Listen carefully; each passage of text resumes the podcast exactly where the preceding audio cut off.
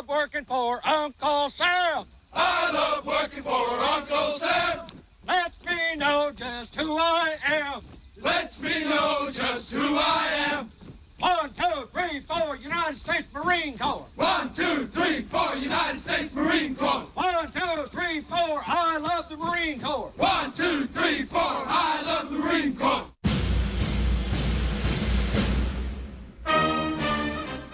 Poljska nabavi scilo, da tuče Karibdo. Mesec dni pred zasedanjem vrha članic Zveze NATO v Bruslu je polsko obramno ministrstvo poskrbelo, da bo slednje potekalo v duhu povečanih napetosti med Rusijo in Zahodom. Ministrstvo je namreč vladi predlagalo vzpostavitev stalne baze ameriške vojske na polskem ozemlju, za izgradnjo katere bi Poljska sama priskrbela 2 milijardi dolarjev proračunskih sredstev.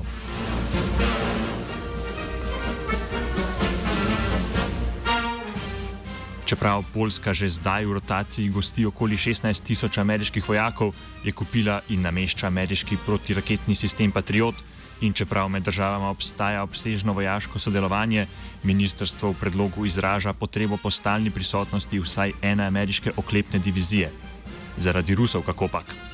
Pripravljenost na sofinanciranje izgradnje je v predlogu izredno označena kot način lajšanja odločitve ameriškega kongresa v časih negotove proračunske politike. Predlog pa je bil poslan v Washington brez posredovanja, posvetovanja s polskim zunanjim ministrom in predsednikom Andrejem Dudo.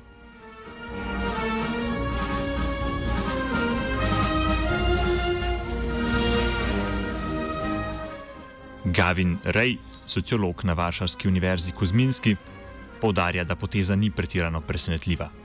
In a sense, it's come as a surprise, but it's also nothing new because this proposal has been um, on the cards uh, since Poland entered NATO in 1999. Um, that there would be, uh, I mean, the Polish uh, government, different different governments have wanted to have a permanent American presence uh, in Poland.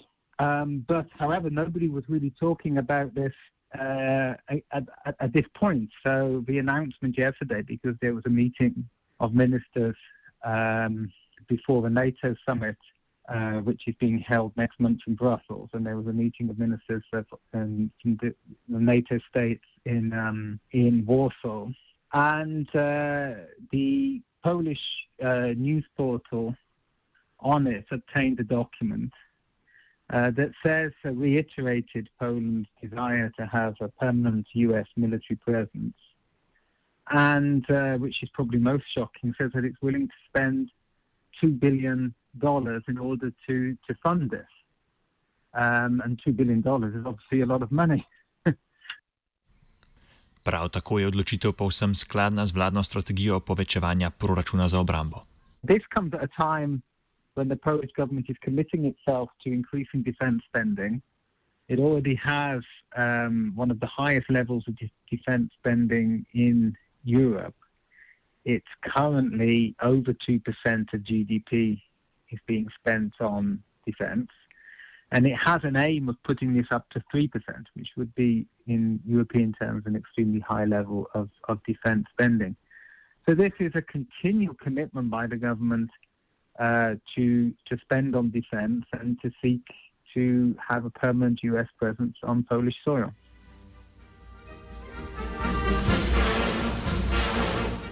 Predlog ministrstva je javnosti posredoval medijski portal OneNet.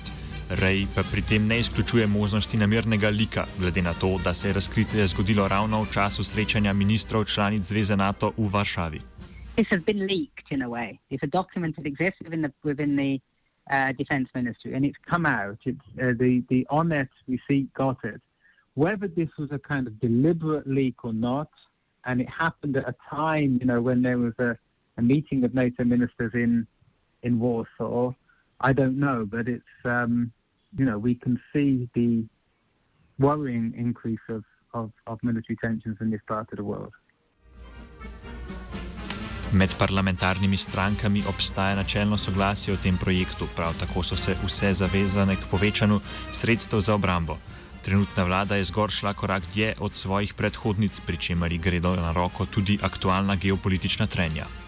There's no real political division on this. uh, at the moment. I mean, just to sort of uh, summarize in a sense that in the Polish parliament at the moment, there is, for example, no left-wing party in the Polish parliament for the first time ever. Um, and all of the parties uh, are committed to um, increasing defence spending. It isn't something which has happened just in this government. This is a continuation. However, this government is definitely sort of upping the ante. You know, it's going further than its predecessors. Um, and it's using the current geopolitical climate as a uh, as a reason to justify increasing uh, its defence spending in the country. Uh, but as I said, it's not something which has caused any great outcry in the country. There's no real sort of um, opposition to it from other parties. Um, there is a general consensus of supporting American presence in, in Poland and of increasing defense spending. Vlada uživa tudi precej visoko priljubljenost, na vkljub, kako meni Rej, manjšim uporom proti aspektom njene socialne politike. Ti pa se ne vežejo na vprašanje obramne strategije, saj je izvedba tega projekta le uresničitev skoraj dve desetletji obstoječe ideje o stalni prisotnosti ameriške vojske. the, the present government is relatively popular at the moment. It has got some problems. Uh, for example, there was a uh, at the time that the foreign ministers, the, the, the defence ministers were visiting Warsaw, uh, they had there was a um, occupation of part of the parliament by uh, the parents and children, disabled children, who were demanding who were demanding more uh, benefits and this has been an ongoing thing. So there are social protests, there are opposition, but the government in general remains strong and remains uh, relatively popular. And this is something I think rather than trying to divert attention, it's a continuation of a strategy of various governments over the past um, over the past well 20 years or so. I mean, after Remember that Poland was one of the countries which supported the war in Iraq. It sent troops to Afghanistan as well.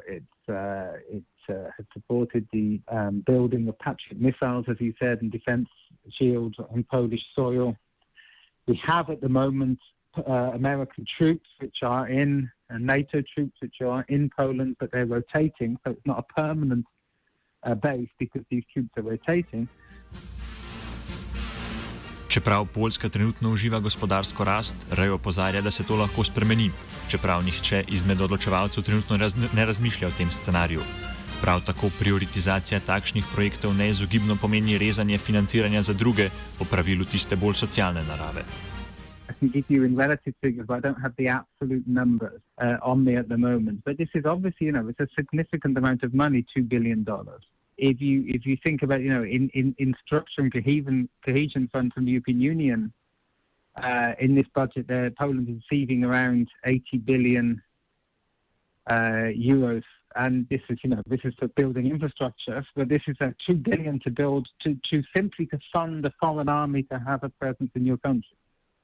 It's uh, it is an incredible thing, in my opinion, that this can be done. Um, and at the moment, the Polish budget is in a is in a healthy state. The economy is growing, but you know, this good times don't last forever.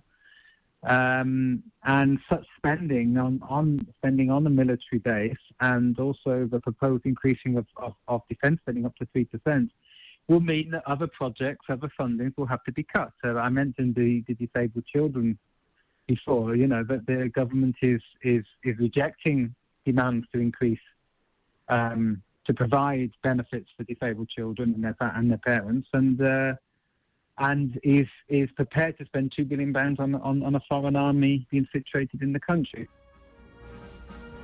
Rusko zunanje ministrstvo se je na odločitev že odzvalo z opozorilom, da je izgradnja stalnega ameriškega opozorišča tako blizu ruskega ozemlja Polsko spreminja v primarno tarčo v primeru izbruha oboroženega konflikta ter za religijo, opa, pardon, za regijo predstavlja varnostni riziko. Polska argumentacija gre seveda v obratno smer. This will obviously increase tensions uh, with Russia. The discourse here, the, the general opinion of, of the political mainstream is that, um, you know, is that Russia is an aggressive force, and uh, after after Ukrainian conflict, that Poland has to defend itself, and that they will, um, they and therefore that the American military base is part of doing this. Uh, the counter argument, of course, is that this is going to further increase tensions with Russia, uh, and likely also lead to you know Russia increasing its military presence on the other side of the border. You know, so there's this sort of, at the moment, as, as in many places in the world, this is a sort of ratcheting up of tensions, you know, so Poland says it feels under threat, so it, it's looking to increase its military presence, and then Russia can respond to this, and the, and you have this danger of this increase uh, in military tensions, and nobody in the Polish political scene, in the mainstream, uh, certainly, is uh, arguing for an alternative course of uh, de-escalation. Kaj pa civilno-družbena opozicija tej strategiji eskalacije? Izven parlamentarna levica. There's nothing big. there's not there's uh, there are there's and there's no even mainstream party on on the left. Um, the the main left wing parties are uh, they may not support this exactly. I don't know. I haven't really seen any statements coming from them.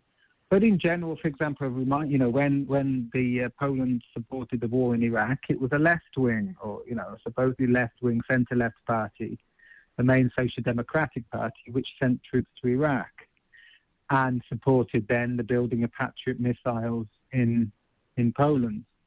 Um, there was, for example, last year when Trump came, there were small uh, demonstrations against it. Uh, left-wing parties like the Green Party uh, small left-wing party rising together uh, were organizing, uh, helping helping to organize this along with civil civil society groups.